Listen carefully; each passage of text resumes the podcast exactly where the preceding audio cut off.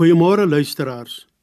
Ek lees vir u voor uit Jakobus 4 vers 10 wat soos volg lui: Onderwerp julle in nederigheid voor die Here en hy sal julle verhoog.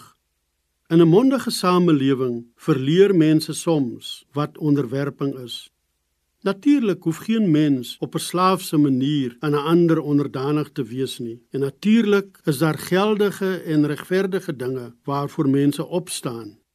In die teks uit Jakobus 4:10 gaan dit egter om 'n ander soort onderwerping. Nie 'n kruiperige onderwerping soos wanneer iemand 'n ander se guns probeer verkry nie, maar 'n houding van diepe eerbetoon en opregte erkenning dat daar slegs een Here en Heiland is.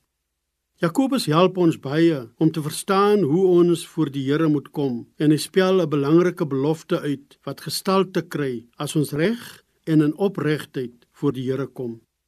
Die buiging voor Jesus ons Here is anders as om met 'n selfgemaakte nederigheid voor iemand te kom om iets uit die persoon te kry. Daar is geen dongelandy nie. Geen goedkoop mags vertoon om die ander oor te haal nie maar 'n vriendelike uitnodiging tot onderwerping. Ons word ook nie bloot individueel maar in die kollektief uitgenooi. Julle nie jy alleen op 'n individualistiese manier nie, maar julle omdat die Here die onderwerping van alle mense vra. En dis 'n uitnodiging met 'n belofte. Hy sal julle verhoog. Hy sal julle met die status van kinders van God beklee.